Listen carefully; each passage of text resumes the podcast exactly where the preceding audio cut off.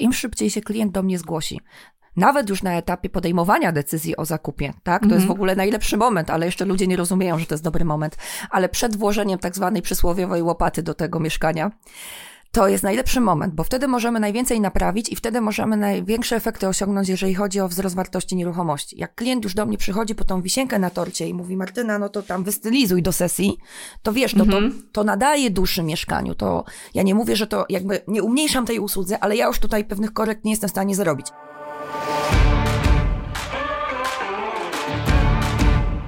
Słuchasz podcastu Inwestowanie w mieszkania, odcinek 14. Z tej strony Kasia Gorzędowska. W tym odcinku porozmawiamy o homestagingu. Moim zdaniem jest to obszar mocno niedoceniany, a przynoszący inwestorom ogromne stopy zwrotu. Z rozmowy dowiesz się o odpowiedniej strategii, efekcie wow, wirtualnych spacerach, o tym jak jedną decyzją można stracić idealnego klienta, a także co sądzimy o swoich wcześniejszych realizacjach. Zdradzam również, jaka rozmowa sprzed lat utkwiła mi w pamięci, a mój gość powie, dlaczego warto, żeby inwestorzy oglądali amerykańskie seriale. Moim rozmówcą dzisiaj jest Martyna Szczawińska, homestagerka i twórczyni nowego zawodu w Polsce Saper Nieruchomości. Martyna jest autorką i współautorką wielu książek i artykułów, szkoleniowcem z zakresu sprzedaży nieruchomości i homestagingu, zdobywczynią tytułu Mieszkanicznika roku 2020 w kategorii Homestager. Prywatnie mama, żona oraz zapalona podróżniczka. Podcast nagrywamy chwilę przed dwumiesięcznym wyjazdem Martyny do Ameryki. Notatki i wszystkie odcinki tego podcastu znajdziesz zawsze na stronie inwestowaniewmieszkania.pl. Podoba Ci się nasz podcast? Podziel się nim proszę w swoich mediach społecznościowych. Dzięki za pomoc. Zaczynajmy.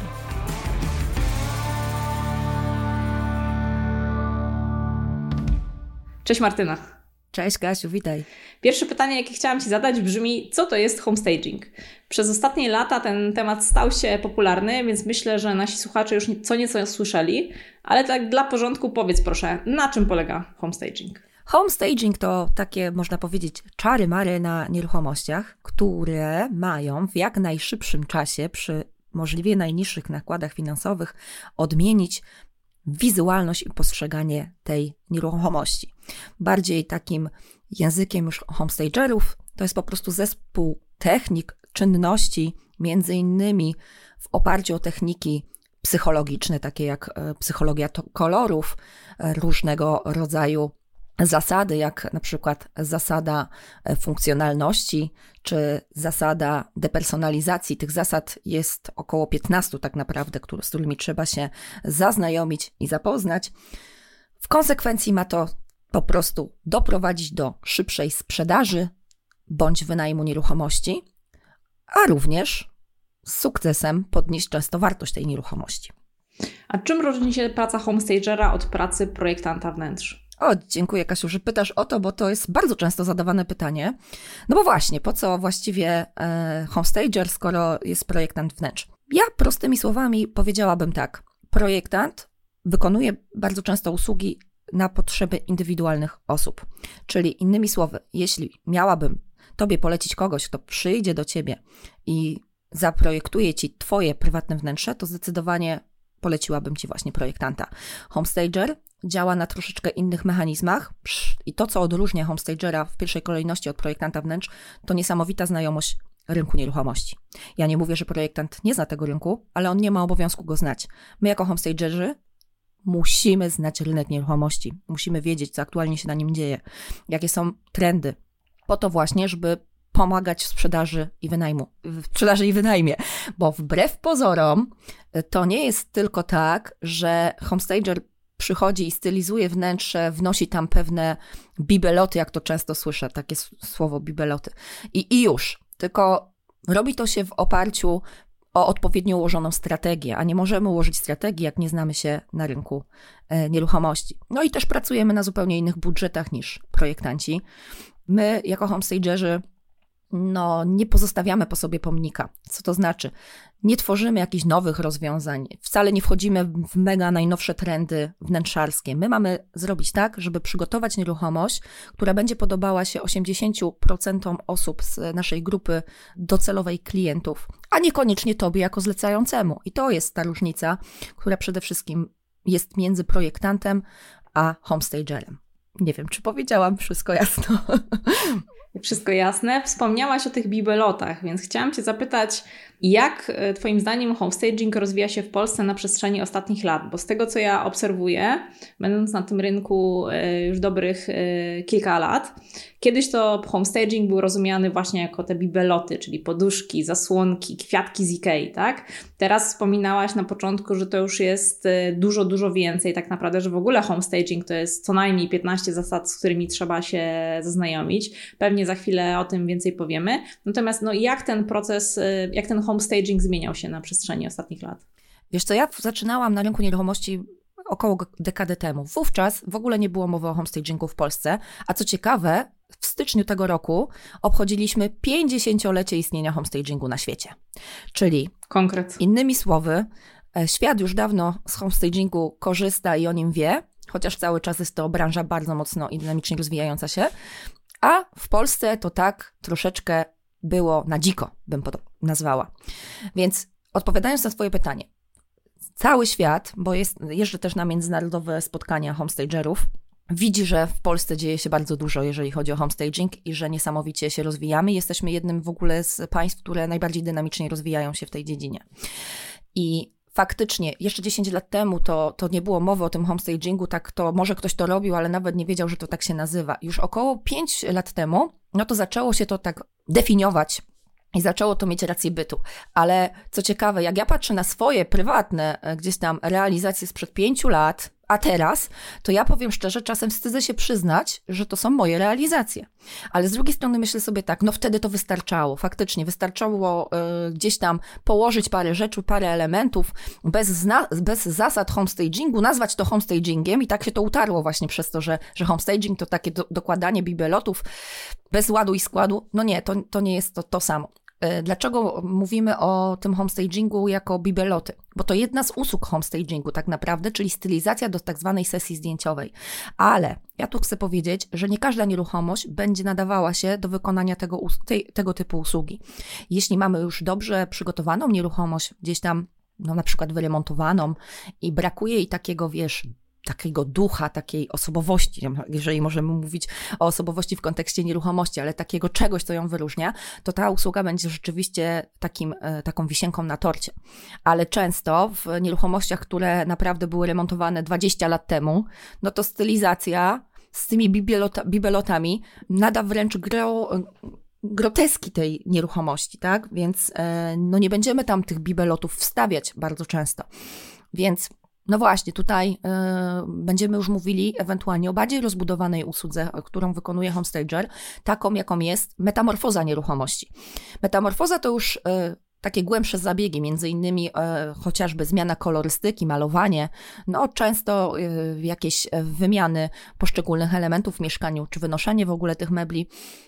Czyli ten homestaging to jest znacznie więcej niż tylko to dokładanie bibelotów, bo powiem Ci tak, w niektórych nieruchomościach ja nawet nigdy nie postawiłam żadnego bibelotu, żeby zwiększyć jej wartość bo nie miało to po prostu uzasadnienia, tak? Ale wykonałam inne zabiegi, takie jak między innymi właśnie odgracanie, e, neutralizacja czy, czy wysprzątanie lokalu po to, aby pokazać ich możliwości, których wcześniej nie było widać pod kątem wizualnym właśnie. Mhm. Cieszę się, że wspomniałaś o tych swoich realizacjach sprzed lat, że, że nie dowierzysz, że to są Twoje realizacje, bo dlatego też zadałam to pytanie, bo tak jak patrzę na nasze zdjęcia, nasze mieszkania sprzed na przykład 8 lat, no to dokładnie mam tak samo jak Ty, że trochę mi wstyd, że to są te mieszkania, które y, robiliśmy z niby homestagingiem, tak?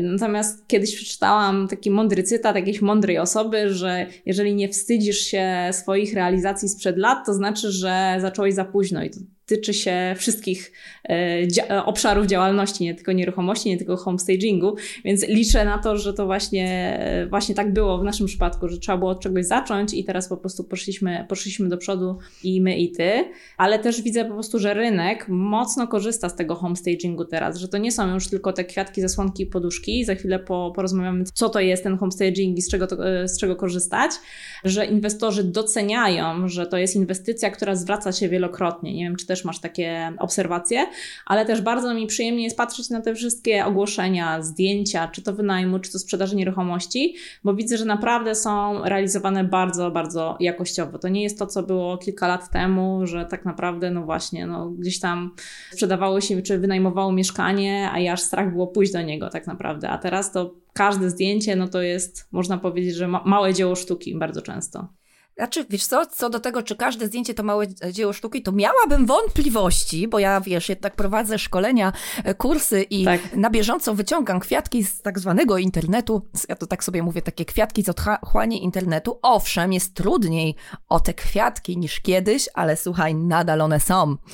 W związku, Zgadza się, tak. W związku z czym mhm. jeszcze jest bardzo dużo do zrobienia. E, no i jest rzesza takich osób, które widać, że coś tam liznęły, ja to tak może brzydko nazwę, ale liznęły homestagingu, gdzieś tam wysłuchały y, kilka zdań na ten temat i one myślą, że już wiedzą o co chodzi. No ale słuchajcie, gdyby to było takie proste, to jednak nie powstawałyby kierunki studiów w tym, te, w tym temacie, a już mamy, o, o, już są kierunki studiów, które uczą homestagingu.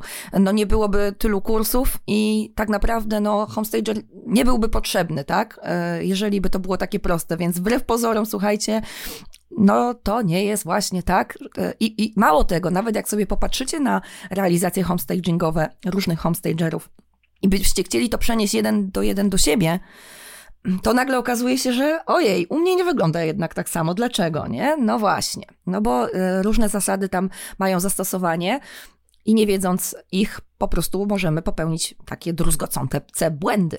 To, że są kursy homestagingowe, no to oczywiście wiem, ale że są studia, to pierwsze słyszę. No. To w Polsce już się dzieje, czy, czy Polsce, za granicą? W Polsce, w Polsce, moja droga. Wow. No, wow, nawet, no w Toruniu widać, mam, nawet w Toruniu już e, się dzieje coś w tym obszarze, w Warszawie. Także słuchaj. Super.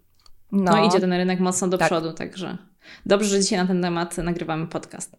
Powiedz mi w takim razie, przejdźmy już do konkretów, y, do, do szczegółów. Chciałabym Cię wypytać, jak wygląda ten proces homestagingu, jakie są te zasady, ale chciałabym Ci zadać takie pytanie, bo y, czytałam Twoją książkę, o której pewnie potem jeszcze wspomnimy. Y, I w książce prezentujesz swoją autorską technikę SAPER. Na czym ona polega i jak ona się wiąże z homestagingiem? Autorska technika SAPER uporządkowała w pięciu elementach tak naprawdę te zasady o homestagingu. Natomiast to jest autorska technika i ja nawet nazywam się homestagerem i saperem nieruchomości, ponieważ tradycyjny homestaging jakby nie bierze pod uwagę remontów, Remont to jest osobna dziedzina, natomiast ja jako e, inwestor, praktyk rynku zauważyłam, że czasem tradycyjny homestaging to za mało, żeby zwiększyć tę wartość, wartość mojej, moich nieruchomości, moich klientów, więc zaczęłam też robić rozbudowane e, remonty, często generalne. I saper nieruchomości to osoba, która właśnie łączy techniki homestagingu i przenosi je również w generalnych remontach, gdzie już na samym wstępie układana jest ta strategia, o której powiedziałam na początku. Czyli saper S jak strategia, to słowo już wybrzmiało, a jak adaptacja, czyli właśnie zastosowanie tych wszystkich technik homestagingowych. P jak prezentacja, czyli to, w jaki sposób pokazujemy naszą nieruchomość, zarówno w necie, jak i na żywo. E jak efekt wow. I tu, słuchaj, są zawarte te bibeloty i dodatki homestagingowe, krótko mówiąc, czyli zobacz, jak to jest dopiero taki jeden z, ele- z, pięciu elementów, który wpływa też na zwiększenie wartości nieruchomości. I R to rezultat, czyli to, co uzyskamy po tych wszystkich działaniach, tak? Jak to podsumu- podsumujemy.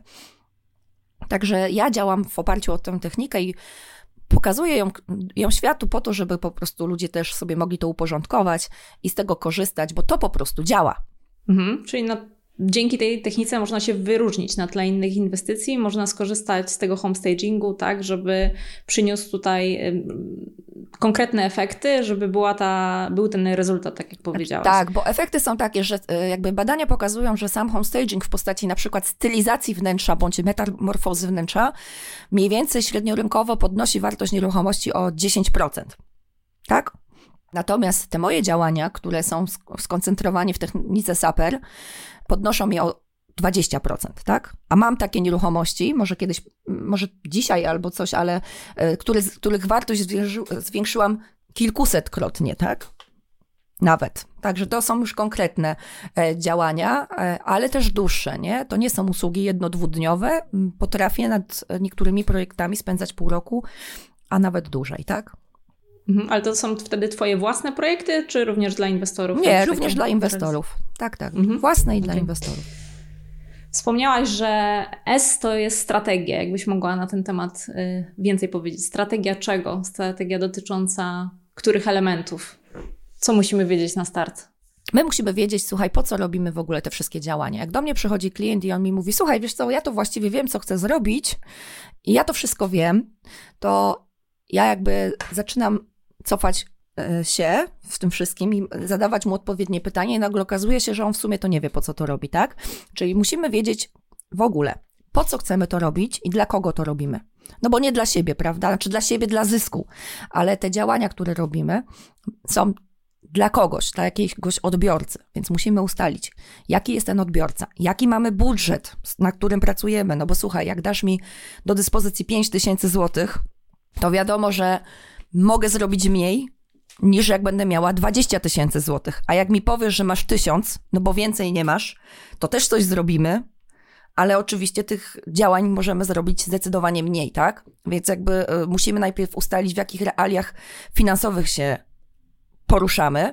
I często jest tak, że klienci na przykład y, otwierają oczy i są w stanie albo dołożyć do projektu, tak, bo powiedzą, kurczę, faktycznie przekonałaś mnie, że warto skorzystać jednak z tej strategii i, i zrobić troszeczkę roz, bardziej rozbudowane działania, albo czasem wręcz przeciwnie, mówię, słuchaj, ty powiedziałeś taką i taką kwotę, a ja uważam, że połowa tej kwoty w zupełności wystarczy, żeby już odnieść ten efekt. I tu znowu wracamy do tego, że projektant prawdopodobnie by się skupił na tym pro, e, budżecie, o którym wspomniał klient i jakby go nie redukował. A ja jestem w stanie Al, powiedzieć... Albo zwiększał. A ja jestem w stanie powiedzieć, słuchaj, uważam, że to, że wydasz 50 tysięcy nie ma sensu w tym momencie do tej strategii, szczególnie jeśli na przykład klient mówi, że on za 2-3 lata będzie na przykład sprzedawał nieruchomość. To dużo już, wiesz Kasiu, różnych czynników, dużo pytań, więc my indywidualnie ustalamy do, do klienta mm, po co on ma wydać te pieniądze i chce, żeby mu się każda wydana złotówka rzeczywiście zwróciła. Dlatego sporo zajmuje ustalenie tej strategii, zarówno nieruchomości, jak i indywidualnej strategii klienta względem tej mhm. nieruchomości. Tak, fajnie, że o tym wspominasz, bo ja też uważam, że ta strategia to jest bardzo kluczowy element y, przede wszystkim inwestowania w nieruchomości, y, ale również tutaj tego, tego co robimy w homestagingu, bo musimy wiedzieć, co chcemy uzyskać, tak? Jaki mamy na to właśnie horyzont czasowy, jaki mamy budżet i przede wszystkim właśnie do czego dążymy, bo pewnie nieraz widziałaś, że inwestorzy kupują mieszkania, a potem je sprzedam lub wynajmę no to to mieszkanie no zostało kupione, żeby sflipować je, czy żeby wynajmować. To są zupełnie dwie różne strategie inwestycyjne. Ja wiem, że różne takie sytuacje się życiowe dzieją, że tak e, czasami może się zdarzyć, że trzeba będzie w takim kierunku pójść, ale w pewnym momencie widziałam na potęgę po prostu, że inwestorzy kupowali e, co popadnie i bez jakiejkolwiek strategii, bez takiego przemyślenia, co będą robili, zobaczymy, a może się uda sprzedać, to sprzedam, a może się uda wynająć, to wynajmę, ale bez przemyślenia, no co będzie dalej. Także tutaj uważam, że ta strategia, no to na każdym obszarze tutaj inwestowania w mieszkania jest e, bardzo istotna. Ja nie ukrywam, Kasiu, że im szybciej się klient do mnie zgłosi, nawet już na etapie podejmowania decyzji o zakupie, tak? To jest w ogóle najlepszy moment, ale jeszcze ludzie nie rozumieją, że to jest dobry moment. Ale przed włożeniem tak zwanej przysłowiowej łopaty do tego mieszkania, to jest najlepszy moment, bo wtedy możemy najwięcej naprawić i wtedy możemy największe efekty osiągnąć, jeżeli chodzi o wzrost wartości nieruchomości. Jak klient już do mnie przychodzi po tą wisienkę na torcie i mówi, Martyna, no to tam wystylizuj do sesji, to wiesz, to, to, to nadaje duszy mieszkaniu. To ja nie mówię, że to jakby nie umniejszam tej usłudze, ale ja już tutaj pewnych korekt nie jestem w stanie zrobić. A najgorsze to, to co może być, to to, jak dzwoni do mnie klient i mówi, Wiesz, Martyna, bo ja właśnie już odmalowałem mieszkanie, no to ja już jestem przerażona, bo sama wiesz, ile kosztują usługi, e, o, usługi jakby malarskie obecnie. E, no bo tak. zakładam, tak. że ktoś tego nie robi własnymi siłami, tylko bierze do tego człowieka. I ile już przepaliliśmy budżetu, a naprawdę jesteśmy w sumie krok do tyłu często, nie? Bo bardzo rzadko zdarza się tak, że zrobione jest to tak, jak ja bym to zaproponowała, żeby zrobić, niestety.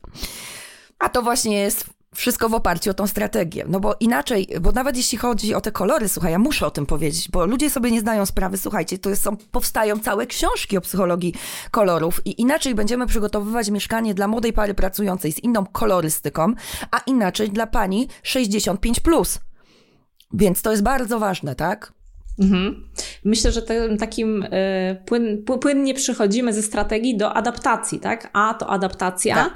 I na czym polega ta adaptacja? To jest y, ten moment remontowy, czy to jest też później, jak już mamy to mieszkanie? Wyremontowane. Powiedz proszę więcej. Wiesz co, nie mówiłabym tu o remoncie, bo nie zawsze jest remont, tak? Bo może być ta metamorfoza, o której powiedziałam wcześniej, czyli na przykład te odejmowanie mebli, dodawanie jakichś mebli plus zmiana kolorystyki. Ale tak, to już jest ten moment, kiedy zakasamy rękawy i swoimi bądź yy, swoimi siłami bądź osób z zewnątrz to, co ustaliliśmy w strategii, zaczynamy materializować. Czyli faktycznie tutaj już się zaczynają optyczne zmiany mieszkania. To już jest ten etap, kiedy nie ma teorii, kiedy angażujemy już środki i kiedy przechodzimy do konkretnych czynności. Mhm. I to zależy, rozumiem, od mieszkania, od inwestycji, od tej strategii. Tak jak powiedziałeś, czasami to są grubsze tematy remontowe, czasami to jest y, odmalowanie, a czasami po prostu jakaś tam odgracenie albo do, dorzucenie mebli, tak? Dokładnie, właśnie to jest trudność e, tu homestagingu, że to nie jest tak zero-jedynkowo, że wszędzie będziemy powielać te same zadania. Techniki są dla wszystkich nieruchomości te same. W sensie, że jeżeli już wiemy co, no to jakby techniki będą takie same, ale czynności będą dobierane indywidualnie. No bo choćby ten budżet będzie nam determinował, co my jesteśmy w stanie zrobić i jak najwięcej z tego wycisnąć. Natomiast jakby, żeby były jakieś konkrety, no bo lubię to dawać mięso ludziom.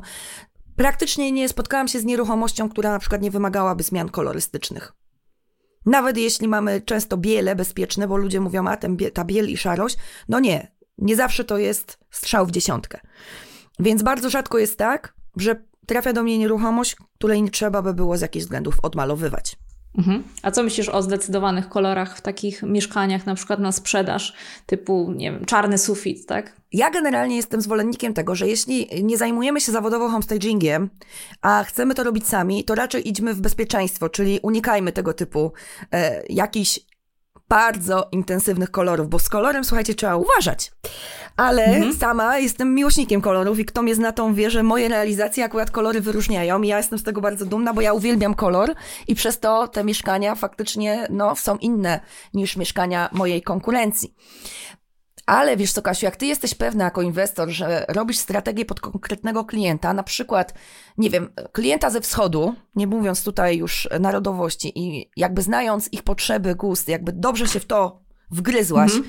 i, mm -hmm. i na przykład wiesz, że takie bardzo jakby to powiedzieć, bogate realizacje, które no w większości ludzi nie będą się podobać, ale ty konkretnie pod tego klienta robisz i wiesz, że tylko temu sprzedasz, mm -hmm. no to to można to zrobić, tak? Tylko pamiętajmy, mhm. że wtedy tym klientem jest akurat dość wąska grupa. Jeśli gdzieś tam popełniliśmy błąd, bo jednak, bo jednak nam się tylko wydawało, że to oni będą tym zainteresowani, no to jesteśmy mhm. na straconej pozycji wówczas, nie? Mhm.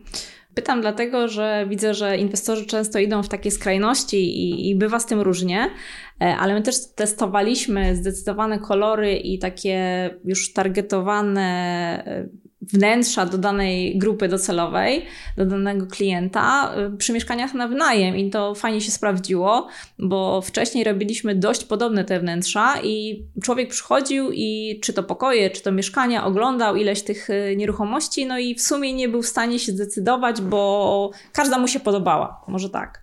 Natomiast w momencie, kiedy zaczęliśmy je mocniej różnicować, to się okazało, że jedno właśnie, jeden kolor przemawia do jednej osoby, druga kawalerka jest na przykład bardziej męska, więc chłopaki od razu tam idą, tak? E, komuś się po prostu podoba jakiś tam, jakaś tapeta, więc zdecydowanie to, to fajnie działa, ale tak jak powiedziałaś, no tutaj to, to wynika z pewnej strategii, bo to nie, nie, nie wszystko dla, dla każdego działa. A to jest super to, co powiedziałaś właśnie dla inwestorów, którzy inwestują na przykład w pokoje na wynajem.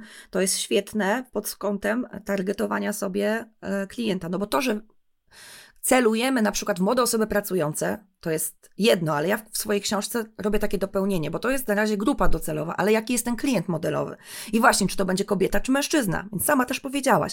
Więc jeżeli wiemy, że na przykład mamy pokój iluś osobowy i chcemy mieć połowę mężczyzn, połowę kobiet, to możemy sobie na etapie remontu, y, później urządzania właśnie, y, to fajnie stargetować. Są też właśnie jakby takie działania podprogowe, które później y, i faktycznie to się umie sprawdza, bo ja na przykład akurat jestem zwolennikiem tego, żeby było towarzystwo wymieszane w pokojach, Mhm. Nie, że na przykład tylko mężczyźni bądź tylko kobiety. I tak przygotowuję właśnie te pokoje, żeby już podprogowo sobie dobierać tych klientów i u nas to się bardzo sprawdza i tak rzeczywiście jest. Rzadko kiedy pokój przygotowany typowo pod kobietę wynajmuje mężczyzna, chociaż i takie sytuacje mają miejsce, tak, żeby nie było, ale raczej jeżeli celuje w kobietę, to w 80% to kobiety wynajmują te pokoje. Mhm. Klasyczna zasada 80-20 też tak. tutaj ma zastosowanie.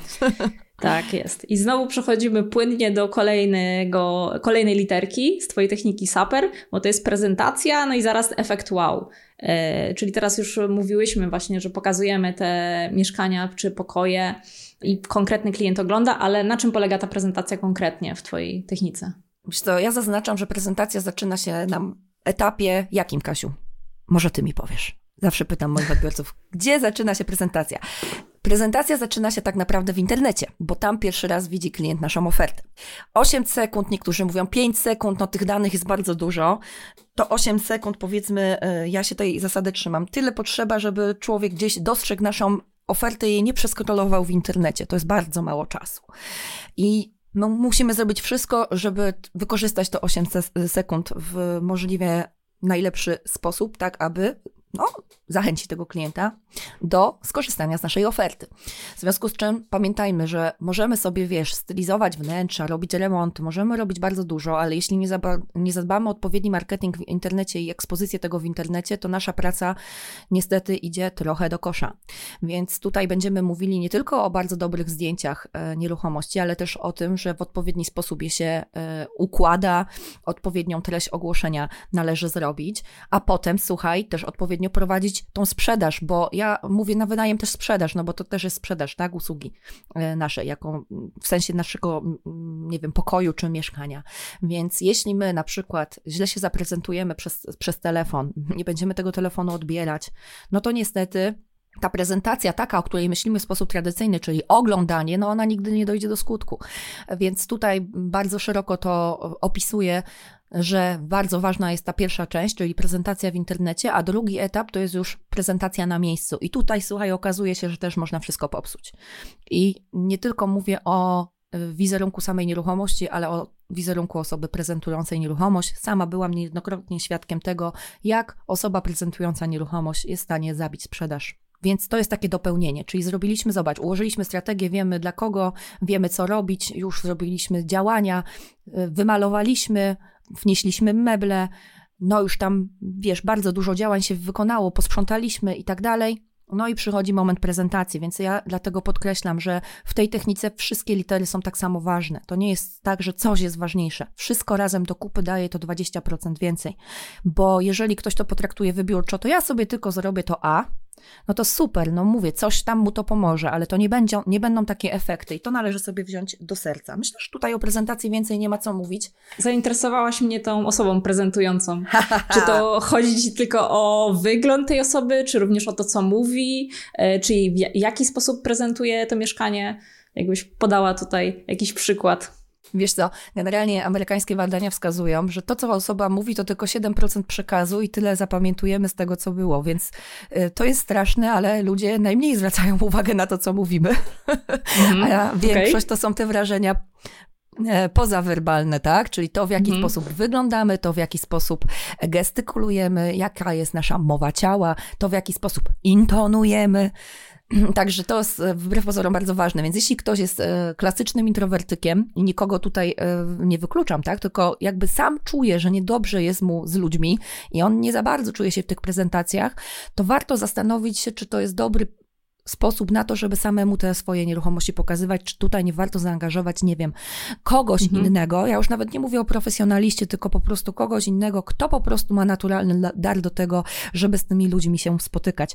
Także Słuchaj, widziałam niejedną popsutą sprzedaż przez to, że po prostu nie było mhm. osoby, kontaktu dobrego z osobą sprzedającą. I wiesz, i teraz tak, znowu, na rynku e, sama wiesz, nieruchomości jest taka sinusoida. Do, właśnie byliśmy świadkami, kiedy sprzedawało się wszystko i wszędzie, w cudzysłowie oczywiście, no bo to też nie do końca było tak, więc miało to trochę mniejsze znaczenie, bo jak komuś zależało na nieruchomości, no to już ten zły kontakt z osobą prezentującą mógł przełknąć.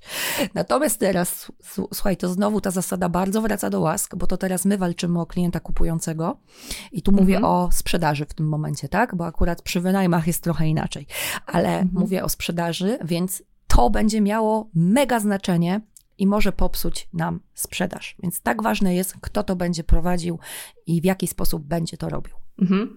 Tutaj mówisz właśnie i o sprzedaży, i o y, wynajmie. I tak naprawdę, no to uważam, że tutaj kluczowe jest to zaprezentowanie tego naszego produktu, bo wiele osób myśli, że jeżeli mamy fajny produkt, dobry, jakościowy, no to on się sam w cudzysłowie sprzeda, tak? Czy sprzeda, czy wynajmie no jakby taka kla klasyczna zasada sprzedażowa mówi, że no niekoniecznie, tak? Ten klient musi wiedzieć, co ty masz, musi wiedzieć, że to jest dobre, więc musisz w pewien sposób y, odpowiedni zaprezentować to, co, to, to, co posiadasz, żeby ten klient mógł od ciebie kupić, tak? Żeby chciał od ciebie kupić, więc ta prezentacja mieszkania, nieruchomości zdecydowanie ma znaczenie, a tym bardziej, y, tak jak mówisz, jeżeli ktoś jest introwertykiem, niekoniecznie lubi spotykać się z ludźmi, to faktycznie będzie się, nie, nieważne jak będzie się starał, to no, będzie się dało to, to odczuć. Plus dobieramy język do rozmówcy bardzo często. Wiesz, tu jest dużo różnych technik tak samo. Wbrew pozorom to nie jest takie proste, jak się nieraz wydaje. Co to za problem, słuchaj, wynająć nieruchomość? No co to za problem? Proszę panią, pani Martyno. Co to ja, za filozofia? Ja, nie ma tutaj żadnej filozofii. No, ja już pomijam aspekty formalno-prawne, ale no to też do końca tak tak nie jest. Też przyciągamy osoby różnej maści przez to, w jaki sposób komunikujemy się ze światem, nie? Mhm. Tak jest. Na temat właśnie wynajmu więcej rozmawiałam e, przy odcinku z e, Grzyśkiem Krajewskim o zarządzaniu najmem. No i to też jest jakby taki problem, który się bardzo często pojawia u wielu osób. To co powiedziałam, co to za filozofia wynająć mieszkania? Co to za filozofia właśnie zrobić homestaging? Bardzo często też się pojawiało do tej pory, więc mam nadzieję, że tym podcastem e, odczarujemy trochę te, te, te mity na rynku i pokażemy, że to jest po prostu coś więcej, że warto do tego tematu się przyłożyć. Omówiłyśmy strategię, omówiłyśmy adaptację, prezentację. Literka E to efekt wow, czyli coś, co wszyscy lubimy. Na, co się składa na ten efekt wow? Wiesz co, tam tak naprawdę chodzi e, o to, że są tak zwane detale w każdej nieruchomości, na które należy zwrócić uwagę.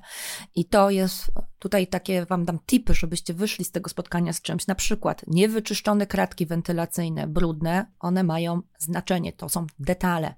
Niewymienione, pożółkłe klamki w oknach, to jest detal. On ma znaczenie przy sprzedaży i wynajmie. I tych detali, słuchajcie, jest naprawdę cała masa, na które nam wydaje się e, nie ma wpływu później decyzja zakupowa klienta, ale słuchajcie, nic bardziej mylnego. Może ja tutaj pozwolę sobie opowiedzieć krótką anegdotę. Mieszkania, które sprzedawałam, słuchaj, e, na flipa. Miałam taką sytuację, że przygotowałam mieszkanie, to był bardziej rozbudowany remont, trwał już e, około dwóch miesięcy i akurat szykowałam go, moja strategia sprzedaży była taka, że to było dla singla, pracującego, w miarę dobrze zarabiającego, który chciałby to kupić już jako gotowy produkt, e, bo cena była delikatnie wyższa niż rynkowa, ale który wie, że kupi, płaci, ale wymaga. To jest ważne, ale wymaga. I ja bardzo długo zwlekałam z ujawnieniem tej nieruchomości gdzieś tam światu, bo wiedziałam, że muszę zadbać o te wszystkie detale, o których mówimy, tak, w efekcie wow. Ale tak się stało, że zrobiłam live'a a propos tej sprzedaży no, że obserwują mnie pośrednicy nieruchomości z Torunia, też e, odezwała się do mnie koleżanka, e, pośredniczka, mówi, słuchaj Martyna, ty nikomu nie pokazuj tej nieruchomości. Ja mam na to klienta, błagam cię, zostaw go. Ja mówię, słuchaj, ale wiesz co, to jeszcze nie jest ten moment, żeby pokazywać to mieszkanie, bo tam zostało parę detali. Ja podkreślam to słowo, detali, żeby to zrobić. Między innymi, słuchajcie, były nieprzymocowane blaty jeszcze, były właśnie takie niewymienione klamki w oknach, był parapet niezrobiony, taki e, brzydki, obskurny. No generalnie Remont już był przeprowadzony, mnóstwo pieniędzy wpompowane, ale takie drobiazgi, drobiazgi, które naprawdę dla osób, które nie są wtajemniczone, by powiedziały, co tam te drobiazgi. Ale ona mnie namówiła, dałam się namówić. Facet przyszedł, słuchajcie, no faktycznie zakochał się w tej nieruchomości. Idealny klient modelowy, dokładnie taki, jak e, ukształtowałam sobie strategię. I są rozmowy, i słuchajcie, on mówi: Potrzebuję pół godziny, żeby się zastanowić, bo już jestem przekonany, ale jeszcze potrzebuję tych te pół godziny. No i słuchajcie, za pół godziny dzwoni ta pośredniczka i mówi: Nie zgadniesz. A ja mówię: Co? Nie kupił? Ona mówi: No, nie kupił. No słuchaj, no przecież jak to jest możliwe? Ja mówię: A czy mogłabyś mi powiedzieć, co powiedział, nie? Ona mówi: A nic. Ja mówię, proszę cię, skup się, bo to dla mnie bardzo ważne. E, po to cię mam, żebyś właśnie takie rzeczy dla mnie załatwiała. Co on dokładnie powiedział? Jaki był argument, dla którego nie kupił? Na co ona mówi? Słuchaj, no takie pierdoły. Czytajcie detale. Ja mówię, tak? A jakie? No wiesz, że tam blat był nieprzymocowany, że klamki były pożółkłe, że ten parapet taki obdrapany. Słuchajcie, to był koszt 100 złotych. Zrobienie tego, jakby jeżeli. Ale on już widział problemy. Mówi się, że dziesięciokrotnie więcej ludzie widzą niż trzeba wydać, jeżeli są jakieś niedoskonałości. Więc między innymi właśnie o tym jest E jak efekt wow, plus oczywiście zestawienie tych już dodatków homestagingowych, o których mówiliśmy, o których chyba wszyscy wiedzą, czyli właśnie te bibeloty e, nazwane e, troszeczkę umniejszając, bo nie lubię tego słowa. E, generalnie właśnie zasłony ale też lampy, ale też na przykład rolety, jeżeli wymaga tego strategia. No i no te wszystkie takie gadżety wnętrzarskie, no to to jest już efekt wow, tak? To tutaj się będzie w tej e, mhm. zawierało, zawierało w, tej, mhm. e, w tym elemencie. Dopiero tu jesteśmy. Tak jest. Tą swoją y, historią z klientem, który obejrzał, bardzo chciał obejrzeć, a, a, nie kupił, przypomniałaś mi, że my też mieliśmy na samym swoim początku historii wynajmu y, też taki, y, taką sytuację. Mieliśmy mieszkanie w samym centrum, robiliśmy je trochę na ostatnią chwilę, bo to była końcówka września, a wiesz, że studenci uwielbiają właśnie w połowie, drugiej połowie września wynajmować, już właściwie mają nóż na gardle, bo nie dostali się do akademików, już trzeba coś tutaj znaleźć. Więc lokalizacja była super super. My żeśmy się spieszyli, y, żeby jak najszybciej te mieszkania oddać. No i już gdzieś tam ogłoszenia na inne mieszkania szły, które były zajęte i wtedy powiedzieliśmy właśnie klientowi, że mamy takie mieszkanie tutaj w centrum, tylko jest jeszcze w trakcie no właśnie tego detalingu, tak jak mówisz, czyli generalnie już jest wyremontowane, już jest prawie gotowe, ale leżały pudła w przedpokoju jeszcze, nie było sprzątnięte po remoncie, więc ten pył remontowy był wszędzie. E, nie, nie wszystkie meble jeszcze były, z tego co pamiętam, złożone. Generalnie mieszkanie już wyglądało całkiem nieźle, ale no brakowało tego, tego ostatniego dotyku, tego jednego dnia, żeby, żeby odpicować je. No, ale klient już był gdzieś z daleka, z Gdańska czy ze Szczecina i on przyjechał tylko na jeden dzień i tak uparł się, że on musi obejrzeć, bo to jest jego wymarzona lokalizacja i cena jest dobra i wszystko i mu się wszystko podoba, ilość pokoi, wszystkie warunki umowy, tylko chce po prostu zobaczyć, gdzie będzie mieszkał, nie? Przyszedł, zobaczył i tak jak mówisz, wyszedł, yy, i nie zadzwonił, czy zadzwonił i powiedział, że, że, że nie, jednak nie chce wynająć, właśnie dlatego, że uważam, że ten efekt końcowy był taki, no, no nie było tego wow, tak? Także wystarczyło po prostu tego klienta jednak przytrzymać do kolejnego dnia, jakoś namówić go, żeby jednak nie przychodził teraz, a zobaczył kiedy indziej, więc to był to po prostu stracony klient. E, I od tamtej pory po prostu mamy taką zasadę, że nie pokazujemy nieskończonego mieszkania, czy to na wynajem, czy na sprzedaż. Po prostu szkoda nam tych klientów. Też nie wystawiamy wcześniej tych ogłoszeń, żeby tutaj klienci już nie, nie, nie czekali w kolejce. Po prostu jak jesteśmy gotowi, to dopiero można iść, yy, iść oglądać. Ja tak robię ze sprzedażą, z wynajmami jest różnie. Wy też macie bardzo dużo e, realizacji swoich, więc bazując na zasadzie, wiesz, ja akurat mam takie moodboardy tak zwane, czyli tak zwane kolaże może po mm -hmm, polsku, mm -hmm. gdzie pokazuję inne pokoje, pokoje podobne wielkościowo, pokazuję kolaże, często sprzedajemy, znaczy, bo ja mówię, sprzedaż mm -hmm. dla mnie, mhm. wynajem to też sprzedaż, czyli jak w, w ogłoszenie, to na przykład Jasne. właśnie na, sprzedaję na moodboardach, nie? Mhm. I to też tak, działa. Tak, chodzi o to po prostu, żeby nie pokazywać niegotowego produktu, tak. ale wynająć zdalnie, czy właśnie pokazać coś podobnego klientowi i powiedzieć, że ten jego mieszkanie, pokój e, będzie podobne do tego właśnie, to jak najbardziej. To, mhm. jak tak robimy i to, to się sprawdza, czy na zdjęciach, czy na wnętrzach 3D też robimy, czy czasami jakieś filmy dla klienta się nagrywa, no to jak najbardziej to, to się sprawdza. Bardziej chodziło o to, żeby nie pokazywać właśnie tego, co jest w trakcie remontu, albo już się wydaje, że jest po remoncie, ale jeszcze tam nie widziało niestety tego, tej szczotki i szmaty. I tu przechodzimy do tych błędów, takich najbardziej y, oczywistych dla mnie, nieoczywistych dla ludzi. Między innymi to błąd właśnie tego, że jak przy wynajmach klienci, wiesz, wydali już bardzo dużo pieniędzy na przykład na remont, na to, żebyśmy doprowadzili ten lokal do stanu używalności e, i teraz tak, nagle się okazuje, że się przy tym takim końcowym etapie homestagingu, przy literze E jak efekt wow, pojawiają już oszczędności już nie warto, ja już wyla, wydałem mm, tyle pieniędzy, no gdzie tam jeszcze, jeszcze to? No właśnie, dociągnijmy to do końca. Ten mały stosunkowo już wydatki robią bardzo duże efekty. To jest pierwsza rzecz, więc ludzie już wiesz, czasem, e, znaczy, jeżeli robią to z profesjonalistą takim jak ja, no to my mamy ten budżet e, odpowiednio skrojony i oni są przygotowani na te wydatki. Ale ja mówię, jak ludzie, wiesz, pierwszy, drugi raz w życiu biorą się za remont i oni w ogóle pamiętają ceny sprzed 10 lat i nagle okazuje się, że wydali dwa razy tyle niż zakładali i oni po prostu nie mają już budżetu. I do czego zmierzam? To jest bardzo przykre, bo wydali już mnóstwo pieniędzy, a efektu finalnego nigdy nie zrealizowali. I będą mieli później z tymi wynajmami i tak kłopoty i będą musieli po prostu prędzej czy później dokonać tych inwestycji. Druga rzecz jest taka, co się bardzo zdarza, to bardzo często muszę klientom tłumaczyć. Pani Martyno, pani już tak świetnie wynajęła te mieszkania, nie róbmy zdjęć, bo wiesz, ja to tak mam te swoje techniki, że ja mówię, potrafię jeszcze, mam już taką grupę też klientów, że często wynajmujemy nawet jak się nie ukazuje na portalach. Ja wtedy mówię hola hola, ale jedna rzecz, a jak za rok pan wynajmie, jak się skończy? O, no i się zaczyna, bo wiesz, no zdjęcia też swoje kosztują. Jeżeli, ja mówię tylko o korzystaniu z usług naprawdę profesjonalnych podmiotów, nie tam jakieś przypadkowe osoby, no to też jest jakiś koszt, tak? Czy stylizacja samego wnętrza na potrzeby sesji, to też jest koszt.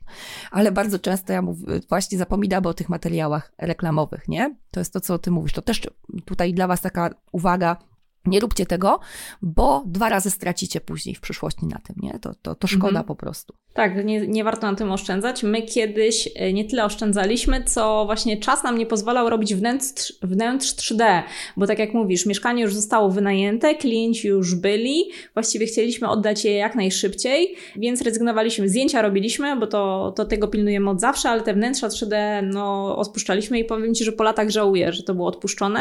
Już po jakimś czasie widziałam, że to jest błąd i zdarzało nam się nawet, jeżeli faktycznie mieszkania były na ostatnią chwilę przygotowywane, bo to wiadomo, różnie bywa z ekipami remontowymi, zawsze jest jeszcze coś do zrobienia, no to mm, zdarzało się, że nawet ktoś jechał na 6-7 rano w niedzielę, po to, żeby robić właśnie nam wnętrza 3D, bo o 12-13 na przykład w niedzielę już się wprowadzali pierwsi najemcy, bo to był, nie wiem, tam 30 września, tak, czy 1 października.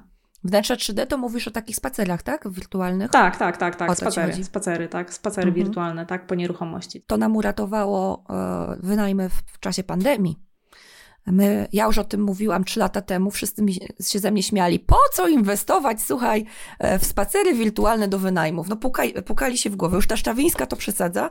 Do momentu, aż nagle okazało się, że ja jestem przygotowana na różne okoliczności, które nawet, słuchajcie, były nie były w planach, tak? Ale ja już wtedy wiedziałam, jak ważne jest to, żeby z każdej strony w internecie móc zaprezentować tę nieruchomość. Także też podkreślam, że warto. Mhm, tak, tak. Te wnętrza, spacery wirtualne są naprawdę fajne dla klientów, bo mogą się po prostu przespacerować po całej nieruchomości, zobaczyć jak to, jak to wygląda naprawdę i coraz więcej osób, szczególnie właśnie po po pandemii docenia taki sposób obejrzenia nieruchomości. To też czas oszczędza, bo od razu ktoś widzi, czy to jest coś ciekawego dla niego.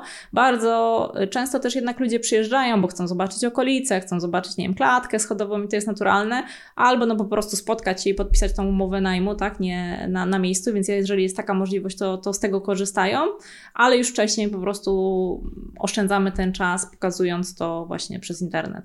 Wiadomo, że tutaj sprzedażowo idealnie byłoby tego tego klienta najpierw ściągnąć i zaprezentować mu na, nasz produkt, no ale też przy wynajmach nie zawsze jest na to czas, nie zawsze ten klient po prostu jest odpowiedni, więc ten spacer wirtualny nam tutaj już to, już to nam weryfikuje.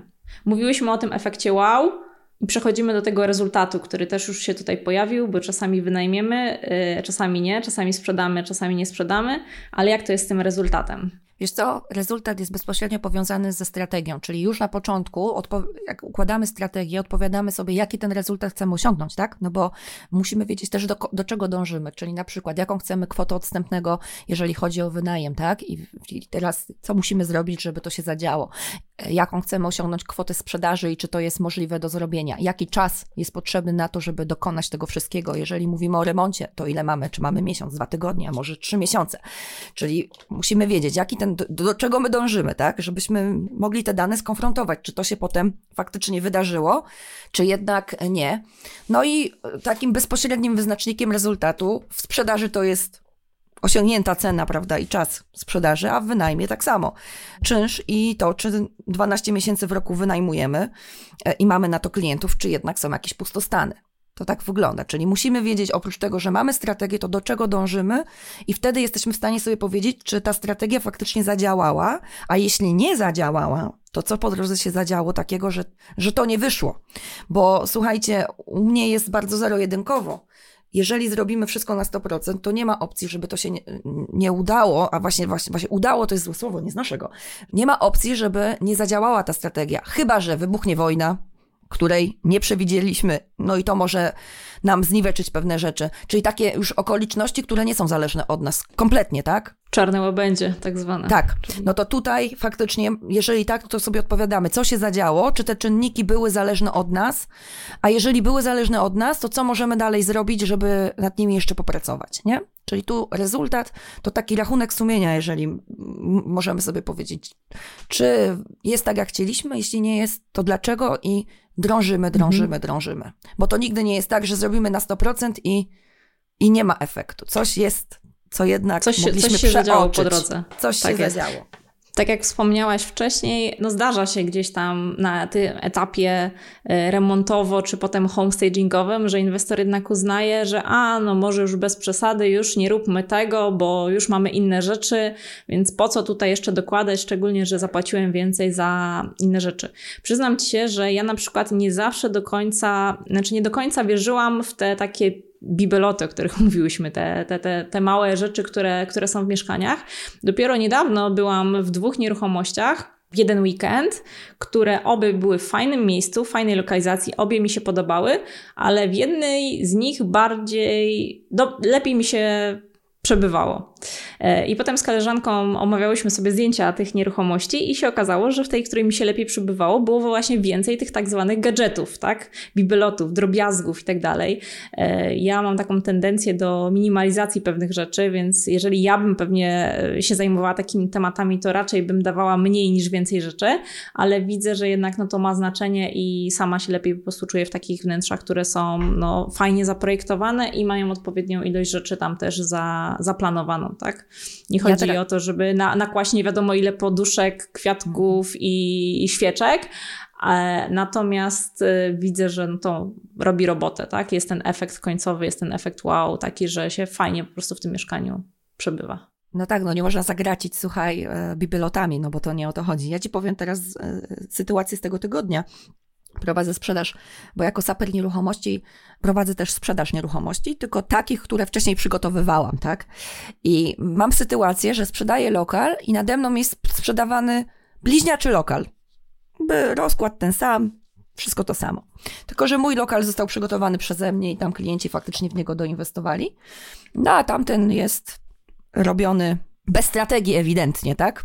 W dodatku mhm. cały czas y, był wystawiony za wyższą cenę niż ja zaproponowałam y, moim klientom i teraz widzę, że już jest w tej cenie, co, co jednak ja prowadzę sprzedaż moich, moim klientom. I do czego zmierzam? Słuchaj, ja dostałam ofertę od klientów, którzy przyszli na kupno tej nieruchomości, ale słyszę rozmowę między nimi, bo mąż, y, mąż pyta żony, bo to ona oglądała obie te nieruchomości i mówi, ty, a ty byłaś w tym mieszkaniu wyżej? A ona mówi, no byłam. A, ale co? A ona tylko tak, wiesz, macha głową. Mm. A ja mhm. mówię, a może pani powiedzieć, dlaczego, skoro to są praktycznie te same mieszkania w tej samej cenie, jednak uważa pani, że to jest lepsze? No wie pani, jak tu się wchodzi, to ja czuję, że ja chcę tu zamieszkać. Słuchaj, to jest to.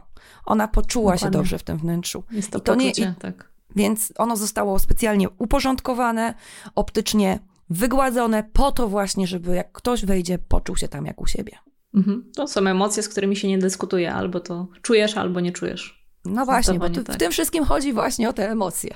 I homestaging. Tak w ogóle, jeżeli byśmy mieli powiedzieć o technikach, mówimy jakieś tam wysublimowane słowa. Homestaging ma właśnie pobudzać emocje. I ważne jest, żeby pobudzał te pozytywne. Mhm. Mówimy o rezultacie, chcemy, żeby ten rezultat był taki, jak oczekujemy, ale no już wspomniałaś, że nie zawsze tak y, się zdarza. I chciałam Cię zapytać, jakie błędy najczęściej popełniają inwestorzy, którzy sami próbują robić homestaging? Dobra. Jeżeli mówimy o, ale o, mówimy o samym takim techni, technicznym homestagingu z tymi bibelotami, czy o całym procesie właśnie wymyśl techniki SAPER, bo to są dwie różne rzeczy. Mhm, wiesz co, myślę o całości, znaczy myślę przede wszystkim o tym rezultacie, że no nie mhm. wyszło tak Dlaczego jak ludzie nie osiągają rezultatów, pomimo, że angażują się między innymi robiąc chociażby tak, no, wyda- w ich ocenie dobry że... homestaging. Mhm. Tak, wydaje mi się, że robią homestaging, coś tam posłuchali, coś tam poczytali, a jednak nie wyszło tak, jak, jak powinno być. I jak, jakie to są błędy? Wiesz co, jeżeli chodzi o optykę, to przede wszystkim niezastosowanie się do zasad proporcji. Każde pomieszczenie, ja to zawsze mówię w ten sposób i to trafia. Jeżeli bym kupiła, wybrała dla siebie idealną suknię ślubną, no idealną, skrojoną pod moją urodę, wzrost, wagę, kolor mojej skóry i dodatki, które będą mi towarzyszyć. I teraz ubiorę pięć innych kobiet w tę samą suknię, to co z tego, że dla mnie ona była wow, jak dla innych, no niestety już tego efektu wow nie będzie. I tak samo właśnie jest tutaj, że, ta, że często gdzieś tam inwestorzy się naoglądają na zdjęciach, kupują do siebie różne rzeczy, a nagle okazuje się, że one są po prostu e, za duże, zbyt toporne, albo właśnie za małe, groteskowe. No i to po prostu nie gra optycznie. Cały czas jest ta optyka zaburzona. A jeżeli mówimy już o tym, że ktoś bardzo ładnie to wszystko zrobił i co do wizualności nie można się przyczepić, no to niestety bardzo często są cena jest zbyt wygórowana. Bo tutaj wiesz, wracamy znowu do tej podnoszenia wartości. Ja, ja muszę o tym powiedzieć.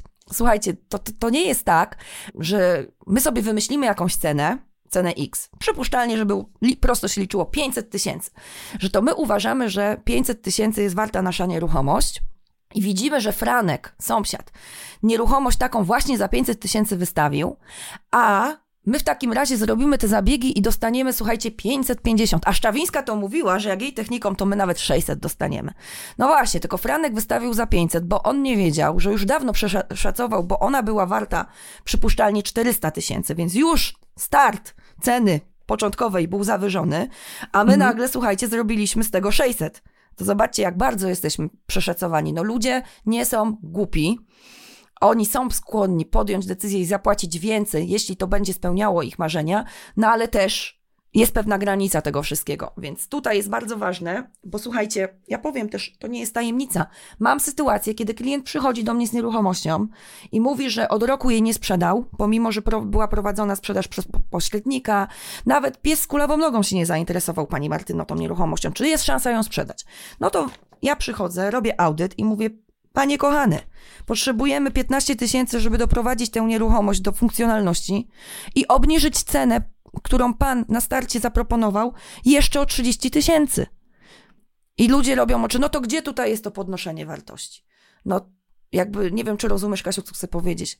Mówimy o realnych, o realnych mhm. możliwościach. Ja zawsze tak powtarzam. Jest. Ja jestem czarodziejką, a może nawet czarownicą, się śmieję, no ale znowu to nie jest też tak, że jestem wróżką i spełniam marzenia klientów co do ceny. Poruszam się w jakichś realnych możliwościach i nie kryję tego na starcie, tak? I albo ktoś przystępuje do tej współpracy na tych warunkach, które zaproponuje, no albo po prostu bardzo często, wiesz, wraca i tak po roku. Mówi, wie pani, mhm. co pani miała rację, nie? Jednak faktycznie coś tam poszło nie tak. Mhm. Także tak jak to powiedziałaś, no, klienci są skłonni zapłacić więcej za dobrze przygotowane mieszkania, czy to na wynajem, czy to na sprzedaż i dużo jest takich klientów. Na tym też na przykład flipy na, ład, na tak zwane ładnie polegały, tak? Że się po prostu naprawdę fajnie robiło te remonty, bardzo fajnie się projektowało te wnętrza, dawało się bardzo dobry homestaging i te mieszkania sprzedawały się w cenach ponadrynkowych ponad tak, takie, jakie rzeczoznawca by wycenił, ale właśnie dlatego, że była ta dodana wartość i tak jak wspominałyśmy wcześniej o emocjach, ludzie wchodzili i po prostu czuli, że, że chcą od razu tam zamieszkać, więc to, to nie jest kwestia właśnie tego, że, że klient nie kupi drożej niż, niż, niż średnia, bo kupi, tak? bo są klienci, którzy docenią, że się tam fajnie czują i też są klienci, którzy docenią, że właśnie już mają remont za sobą, tak? już nie muszą całego tego procesu przechodzić, tak? E, natomiast no, trzeba jakby w pewnych ramach się poruszać, bo to nie może być cena no już w ogóle od, od czapy, bo to wiadomo, że aż tyle klient za to takie poczucie nie zapłaci. Mhm. No właśnie, to jest ten błąd, o którym mówimy, nie? że często klienci po prostu e, w ich ocenie jest jakaś wartość. Mieszkanie ma też często wartość sentymentalną i gdzieś tam oni sobie to plasują gdzieś tam w swoich przekonaniach, a to mhm. tak nie jest, nie? To, to, to, to też trzeba czasem zejść na ziemię i to jest trudne często dla tych osób, nie? Mhm. To jest kolejny tak. właśnie błąd, czyli ta cena niedopasowana tak naprawdę do możliwości nieruchomości. Mhm. W swojej książce opisujesz też kilka jeszcze innych błędów, także będziemy mogły tam odesłać e, czytelników.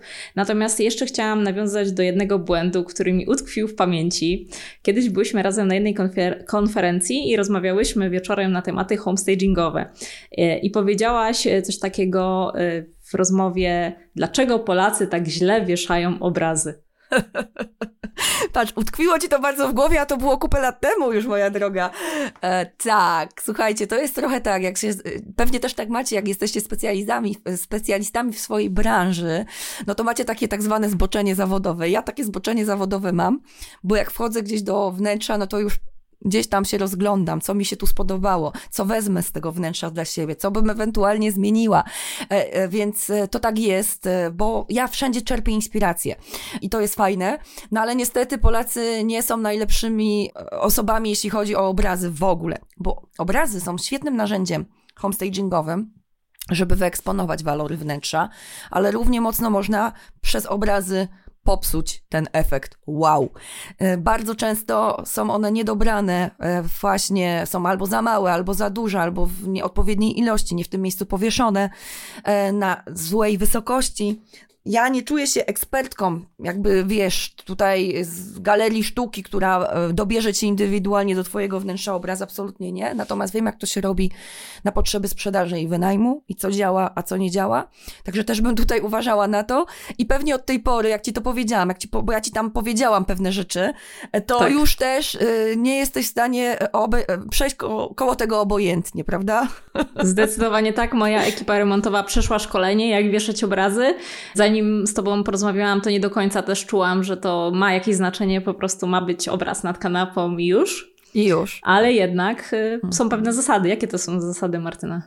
Oj, wiesz co, to mm, tutaj tych zasad jest kilka, ale tej, której najbardziej bym się trzymała i co w pierwszej kolejności, e, żebyście zapamiętali, to właśnie znowu, że musimy patrzeć na to, nad czym będziemy wieszali ten obraz i dlaczego w ogóle go chcemy powiesić, bo może nie ma sensu go tam wieszać, ale e, ma sens, jeżeli mm, no, na tym będzie miało się koncentrować zaraz po wejściu wzrok to, to, to ma sens.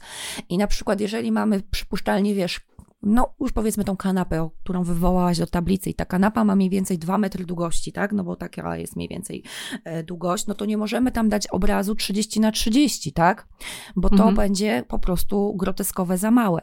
E, mniej więcej ma to wypełniać e, połowę minimum przestrzeni, nad którą będziemy wieszać ten obraz i to jest takie coś, co bym chciała, żebyście dzisiaj wzięli do siebie. Zapamiętali, żeby Polacy lepiej wieszali obraz. Tak. A poza tak. tym, tak. taki tip, słuchajcie, na obrazy, który ja mówię, to jak będziecie oglądać amerykańskie seriale, a pewnie gro z Was e, ogląda, bo po prostu w ten sposób można się odmurzyć, to zobaczcie, jak oni wspaniale wieszają obrazy. Słuchajcie, zwróćcie uwagę na te ściany. Oni naprawdę opanowali te techniki mistrzowsko, więc stamtąd możecie spokojnie brać do siebie, e, dla siebie inspirację to teraz oglądanie seriali na Netflixie będzie miało zupełnie inny wymiar. No słuchaj, ja zawsze się tłumaczę, że ja cały czas jestem w pracy, nie? Także słuchajcie, oglądamy dzisiaj wieczorem seriale na Netflixie, żeby zobaczyć, jak poprawnie wieszać obraz. Tak jest. Martyna, chciałam z ciebie jeszcze wyciągnąć jakąś ciekawą homestagingową historię, którą y, możesz się z nami podzielić. Czy tą pozytywną, czy tą negatywną. Wiem, że masz ich y, mnóstwo zdrać nam coś ciekawego ze swojego homestagingowego zawodu. Wiesz co, ja jednak jestem osobą pozytywną, to, to powiem o takich jakichś fajnych historiach. Dla mnie osobiście, po co ja zajmuję się tym homestagingiem? Ktoś kiedyś powiedział, jestem, wiesz, pra, prawnikiem z wykształcenia w ogóle i ktoś mówi, no to ty prawnik i, i poduszki kładziesz? Wiesz, jakby ktoś tak sobie, mówię, słuchaj, ja nie, ja nie kładę poduszek. Ja spełniam marzenia innych osób. Ja rozwiązuję ich problemy, ja sprawiam, że ich życie jest lepsze i tak, wiesz, wtedy ludzie otwierają oczy, więc jakby robię dokładnie to samo jako prawnik, tylko w inny sposób, tak? E, I e, dopiero wtedy się ludziom otwierają oczy. To, co jest piękne w tym, co robię, to to, że rzeczywiście właśnie te nieruchomości, które gdzieś tam e, nie chciały się sprzedać, często to są domy, gdzie klient już wiesz, po roku zaangażowania swojego czasu i jakichś środków, no jest zmęczony. On nie może po prostu ruszyć dalej, bo ma jakieś plany, a nie ma, a środki ma zamrożone. To dla mnie z tych takich historii homestagingowych, gdzie się zgłaszają do mnie klienci, fajne jest to, jak wiesz, po pierwszej rozmowie już widzę taką nadzieję, taki błysk w ich oku, a potem jak te, oni mi zaufają i się dzieją te czary mary, mówiąc w skrócie, y, po dwóch tygodniach, po miesiącu dostaję informację, pani Martyno, sprzedane. Dziękuję, bo pani zmieniła moje życie, tak? Bo ja teraz mogę otworzyć swój biznes, gdzieś wynająć biuro w innym mieście, bo miałem zamrożone te środki, więc to są takie fajne historie, że to naprawdę działa. To są dowody społeczne na to, takie dowody słuszności społecznej, czy jak to tam się mówi, że to rzeczywiście ma sens i dlatego ja to osobiście robię. Więc na przykład e, klient, wiesz, nie mógł sprzedać nieruchomości za 400 e, tysięcy w ogóle, a sprzedał ją później za 500 w ciągu dwóch tygodni od wykonania zmian. Oczywiście tam zainwestował środki, no bo to jest rzecz jasna, no ale i tak zarobił dużo, dużo więcej niż pierwotnie. Albo też y, mam taką y, historię, ale to jako nie homestager, tylko jako saper nieruchomości, czyli taka osoba, która mówię, to robi na większą skalę, że były na przykład y, kamienice w Toruniu, bo ja tutaj jestem z Torunia i tym się specjalizuję, których wiesz, 30 pośredników nie mogło z, sprzedać przez dwa lata, a no my to zrobiliśmy na przykład, tak? Także bo mieliśmy na to odpowiednią strategię, pomysł i odpowiednio wizualnie to wszystko przygotowywaliśmy. Czyli to są takie historie, to są takie fajne rzeczy, że to połączenie odpowiedniej wiedzy, umiejętności i zaangażowania się dają niesamowite efekty. I właśnie ten błysk w oczach klienta, tak, to jest coś pięknego, czego, to jest taka piękna nagroda też e, za moją pracę. Brzmi super. A powiedz mi proszę w drugą stronę, czy miałaś takie sytuacje, że przychodził klient, chciał u Ciebie usługę e, homestagingową, ale po przegadaniu, po pierwszej rozmowie stwierdziłaś, że jednak to nie jest to, że jednak nie dasz rady, czy w sensie dostosować się do strategii klienta, bądź klient w ogóle ma wymagania, które nie da się spełnić? Mhm. Wiesz co? No tak.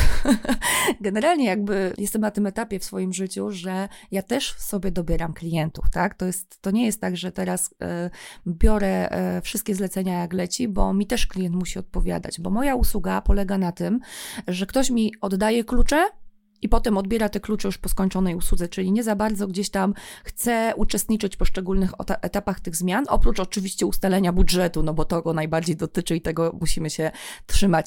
Więc jeżeli ja mam uzasadnioną wątpliwość, czy to faktycznie będzie tak przebiegało, że ktoś będzie e, mi ufał i dostosuje się, jakby nie, jakby nie, nie będzie się tam miał swoich uwag i wiedział lepiej, to no, no, jakby faktycznie wtedy zastanawiam się, czy taki projekt w ogóle wziąć. I ja się nawet ostatnio e, nadziałam, mówiąc po tylu latach, zobaczcie, tylko to jest taka dłuższa historia, to nie bezpośrednio przez to, że źle zweryfikowałam klienta, tylko miałam pracować z kimś innym, a okazało się potem, że potem jest ktoś inny w tym wszystkim, decyzyjny.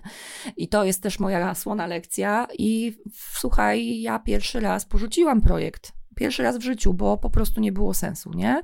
Tego dalej kontynuować. To za dużo było mojej energii, czasu i nerwów, bo ktoś właśnie nie, ten drugi, nie rozumiał usługi homestagingowej. On myślał, że to jest projektowanie indywidualne.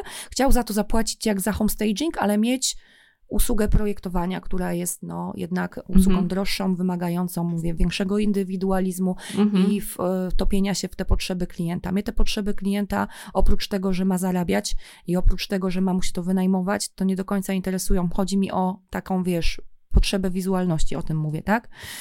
E, to, to, czy on lubi zielony, czy nie, to mnie nie interesuje, no, na przykład, tak? A potem jak, e, no właśnie, a tutaj są tacy klienci, którzy na początku mówią tak, tak, tak, a potem jednak mówią, że jednak by chcieli inaczej, nie? Mhm. Nie potrafią oddać tej kontroli. Nie potrafią oddać kontroli. Tak. Mhm. Za chwilę zapytam Martynę, ile kosztuje usługa homestagera i od czego to zależy, a także jak to się stało, że Martyna, która ukończyła studia prawnicze, zajęła się homestagingiem. Zanim to nastąpi, chciałabym Cię zaprosić do zajrzenia do książki Martyny Homestaging – Jak zwiększyć wartość nieruchomości przy sprzedaży i wynajmie. Link i kod rabatowy znajdziesz w notatkach do tego odcinka oraz na stronie inwestowaniewmieszkania.pl. A teraz wracamy do rozmowy.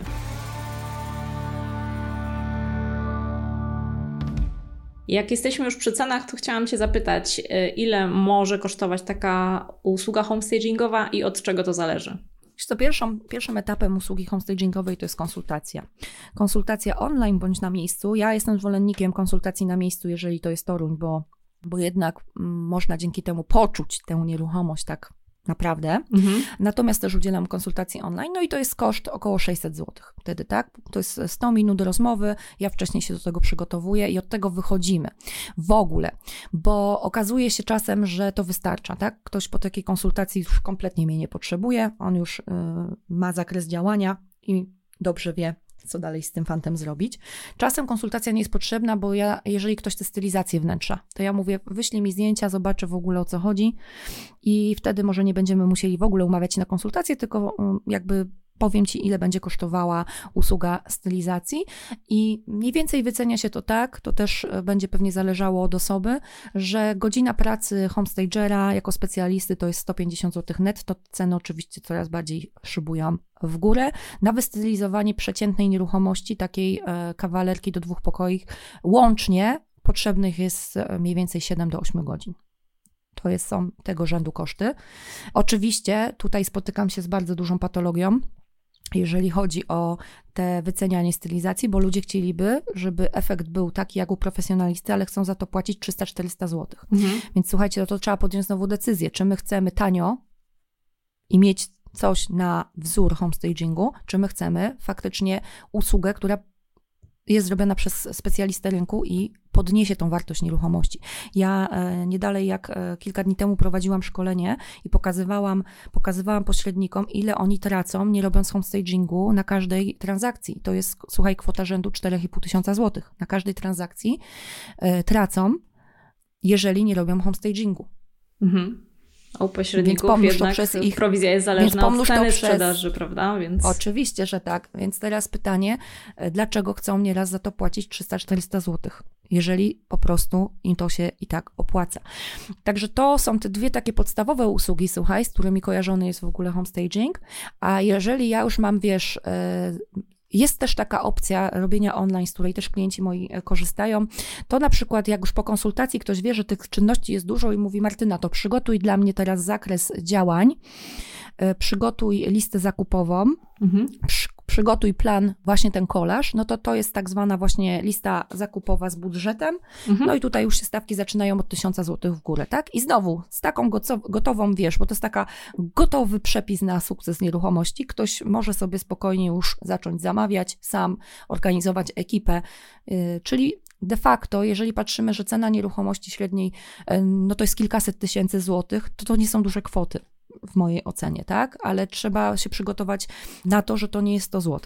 A wiesz, no teraz znowu, jeżeli ja się mam angażować czasowo, to sobie to przeliczam mhm. no, na te robocze godziny, nie? Ile to będzie kosztowało. To nie jest tak jak z architektem czy projektantem, że my to wyliczamy z metra, bo tego tak mhm. tak się nie da po prostu zrobić, nie? Bo na jednym metrze po prostu będziesz miała mało czynności e, i to by było krzywdzące dla klienta, a na drugiej będziesz miała bardzo dużo tych czynności łącznie i to wtedy byś mogła znowu sobie zrobić krzywdę. Więc dlatego y, ludzie nie lubią tego, bo to my musimy po prostu poznać dany projekt, żeby móc powiedzieć końcową cenę i to często denerwuje klientów, ale niestety no, nie da się tego aż tak bardzo uprościć. Mhm. Tylko znowu zaczynamy od strategii, tutaj strategii inwestowania, bo przed wyborem nieruchomości najczęściej sobie przeliczamy w tabelce tą inwestycję, czy jak, to wyjdzie, czy to flip, czy, czy wynajem. Więc wystarczy po prostu tej strategii zawrzeć, że chcemy mieć profesjonalne zdjęcia, że chcemy mieć profesjonalny home staging. E, I tak jak mówisz, e, kwotowo procentowo w stosunku do nieruchomości nie są to duże kwoty, natomiast no, gdzieś tam po drodze, jak się faktycznie tego nie zaplanuje, no to można się przerazić, że właśnie tutaj 2000 za to, 3000 za to, jeszcze zdjęcia, jeszcze inne rzeczy i się robi kilka, kilkanaście tysięcy ładnych dodatkowych kosztów, których wcześniej nie uwzględniliśmy, ale trzeba po prostu o tym pamiętać na etapie planowania inwestycji, że warto to wpisać sobie do tabelki, ten budżet na te wszystkie działania homestagingowe, promocyjne, y, wnętrza, spacery 3D, zdjęcia profesjonalne, skorzystać z usług specjalistów, no bo to ja uważam osobiście, że to jest inwestycja, która zwróci się wielokrotnie i to są inwestujemy po to, żeby mieć dobre zwroty, a tak naprawdę nie korzystamy z najprostszych sposobów, które te zwroty po prostu zwielokrotnią. Ja ci powiem, Kasiu, taką jeszcze ciekawostkę, bo obalam taki mit rynkowy, bo najczęściej jakby, jak się mówi, na, na który homestaging wydajemy więcej? E, na homestaging na sprzedaż czy na wynajem? To jaka pada odpowiedź? Jak myślisz? Myślę, Tutaj że... ci biorę pod włos. No nie wiem, strzeliłabym, że na sprzedaż. No właśnie, tak więc większość osób uważa, a tak naprawdę dużo mniej zabiegów robimy przy sprzedaży niż właśnie przy wieloletnim, jeżeli oczywiście strategia jest taka, że ktoś to kupił jako zabezpieczenie i będzie wiele lat chciał czerpać pożytki, nazwijmy to z tego wynajmu, no to musimy już to zaplanować mhm. gdzieś tam w perspektywie długoletniej i te zdjęcia, o, której, o których mówisz, no bo zobacz, w sprzedaży to jest raz, ktoś sprzeda i zapomina i te zdjęcia może wywalić do kosza, a zobacz jak bardzo zarabiasz na tych zdjęciach, ile razy się nimi posługujesz przy wynajmie, nie? Jeśli mogę coś podpowiedzieć, to ja w swoich realizacjach i realizacjach swoich klientów średnio raz na 3,5 roku robię rebranding, tak zwany, czyli właśnie stylizację nową, mhm. e, nowe zdjęcia, nieruchomości i ten marketing nieruchomości to nie są rzeczy aż tak bardzo tanie, ale to wpływa na to, że jesteśmy cały czas pionierami na rynku toruńskim i już w sierpniu mamy powynajmowane mieszkania na przykład na, e, na cały wrzesień, tak? Uwielbiam patrzeć na Wasze realizacje, Wasze zdjęcia. Podzielisz się z naszymi słuchaczami jakimiś swoimi zdjęciami, które będę mogła zamieścić w notatkach do tego odcinka? Sprawa. Super. Z miłą chęcią. Też bym chciała Wam pokazać, drodzy słuchacze, jakie naprawdę super rzeczy robi Martyna. Martyna, chciałam Cię jeszcze na koniec zapytać, dlaczego zajęłaś się homestagingiem? Wspomniałaś, że zajmowałaś się prawem, tak? Skończyłaś prawo. Jak od prawa do od prawnika do homestagera dotarłaś? Wiesz co, no właśnie, życie niesie za sobą dużo niespodziewanych sytuacji. Ja jak skończyłam prawo i to nawet ponoć byłam takim rokującym tym prawnikiem, to życie tak się mi ułożyło, że dwa razy nie dostałam się na aplikację e, radcowską, bo chciałam być radcą prawnym. Zabrakło mi raz trzech punktów, raz jednego punkta. E, I wtedy wydawało mi się, że to jest taka moja życiowa porażka i co dalej. Potem Dostałam się do pracy na etacie w branży ubezpieczeniowej. Tam zrobiłam taki państwowy, specjalny, e, takie umiejętności, taki broker ubezpieczeniowy. On też tam musi zdać państwowe testy. To jest gdzieś tam w hierarchii ubezpieczeniowej e, taka, no, dość, dość fajny zawód ale w tej branży no, czułam się nie do końca spełniona z różnych względów i tak e, od wielu lat szukałam tej swojej drogi. Pamiętam jak dziś, gdy któregoś dnia na początku tych poszukiwań obudziłam się ze łzami w oczach i mówię, ja się do niczego już nie będę nadawać. Skończyłam 5 lat studiów prawniczych. E, no znam języki obce, ale nie na tyle, żeby udzielać korepetycji. Wiesz, taki był poziom mojego myślenia, na czym ja jeszcze mogę dodatkowo ewentualnie zarabiać i gdzie się przebranżowić. No ale zaczęłam tak drążyć, drążyć, drążyć i ten temat nieruchomości to już w ogóle na drugim roku studiów gdzieś tam mi był bliski, już wtedy robiłam rozeznanie. W międzyczasie kupiłam e, nieruchomości komuś po prostu na inwestycje i, i się nimi opiekowałam. I tak wiesz, krok po kroku odkrywałam nowe wrota w tych nieruchomościach. I bardzo szybko zorientowałam się, gdy zaczęłam już sama swoje środki e, w te nieruchomości inwestować, że jeśli dobrze skupię się właśnie na tym przygotowaniu wizualnym nieruchomości i, i wtedy jeszcze nie nazywałam tego strategią SAPER, ona się ułożyła po latach, ale właśnie zwrócę uwagę na to, żeby wiedzieć, dla kogo to się przygotowuje, no to nagle okazuje się, że zarabiam więcej. No i potem okazało się, że to jest homestaging, bo ja nawet nie wiedziałam, że takie coś to się tak nazywa. I tak mi się to spodobało, że ja po prostu wsiąknęłam w ten świat. I stąd od prawnika do homestagera, ale to też na pewno było z potrzeby u mnie, dlatego że sama inwestowałam i, i po prostu jakby odkryłam, że to działa na swoim przykładzie. A potem to powieliłam i dałam innym. Tak miało być, nie ma przypadków. Taka miała być ta nie twoja droga. Powiedz mi jeszcze o, trochę o swojej książce. Wydałaś jakiś czas temu y, książkę o tytule Homestaging, jak zwiększyć wartość nieruchomości przy sprzedaży i wynajmie. Dla kogo jest Twoja książka? Tak, i tam jest jeszcze dopisek technika saper, bo to jest bardzo ważne, bo ona też będzie traktowała o remontach. Mhm. Tam troszeczkę jest o tych remontach, jest powiedziane, kiedy, kiedy e, warto na nie e, zwrócić okiem. O czym jest ta książka, dla kogo jest ta książka? Ta książka jest, wiesz co, dla ludzi z branży nieruchomości, którzy inwestują w mieszkania, czy to na e, wynajem długo czy krótkoterminowy, po to, aby mieli gotową receptę na to, jak właśnie zabrać się do przygotowywania tych mieszkań i jak zwielokrotniać te swoje zyski z tych mieszkań. Na pewno dla fliperów, którzy właśnie mm, często wpadają w ten błąd, który ty też przywołałaś, że robią takie te wnętrza kopiuj w klej no to już w tych czasach nie wystarczy e, i tu mogą zasięgnąć inspiracji do tego i, i właśnie poszukać takich inspiracji, dlaczego warto to robić inaczej i jak to robić nieco inaczej. I no na pewno to jest książka dla pośredników nieruchomości. To jest e, bardzo e, taka mm, zorganizowana grupa społeczna i zawód, który no bez tej wizualności niestety, jeżeli nie będzie czuł, że ma to wpływ na sprzedaż, to będzie cały czas w tej grupie pośredników, która zarabia mało. Więc jeśli jako pośrednik nieruchomości chcesz zarabiać dużo, to warto, żebyś spojrzał do tej książki i zrozumiał, dlaczego inni zarabiają więcej niż ty.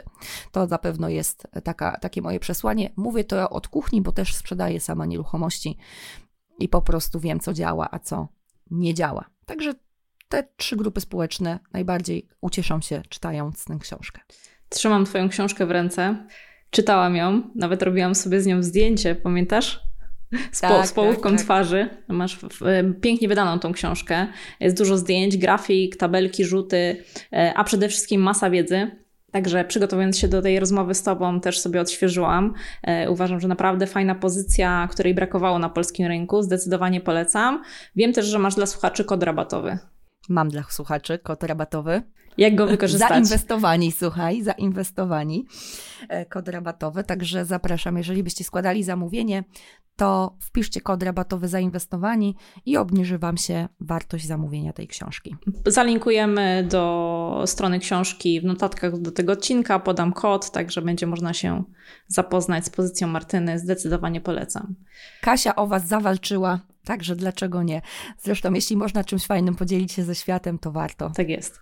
Dzięki Martyna za rozmowę. Myślę, że sporo tutaj na temat homestagingu powiedziałyśmy, trochę odczarowałyśmy e, ten temat. Bardzo wiele protipów e, myślę, że było dla inwestorów, którzy właśnie czy to będą chcieli wynająć, czy będą chcieli sprzedać. Natomiast jeżeli ktoś będzie chciał e, skontaktować się z Martyną, to też dam kontakt w notatkach do tego odcinka, będzie można z nią dalej popracować, podyskutować. Zapraszam serdecznie.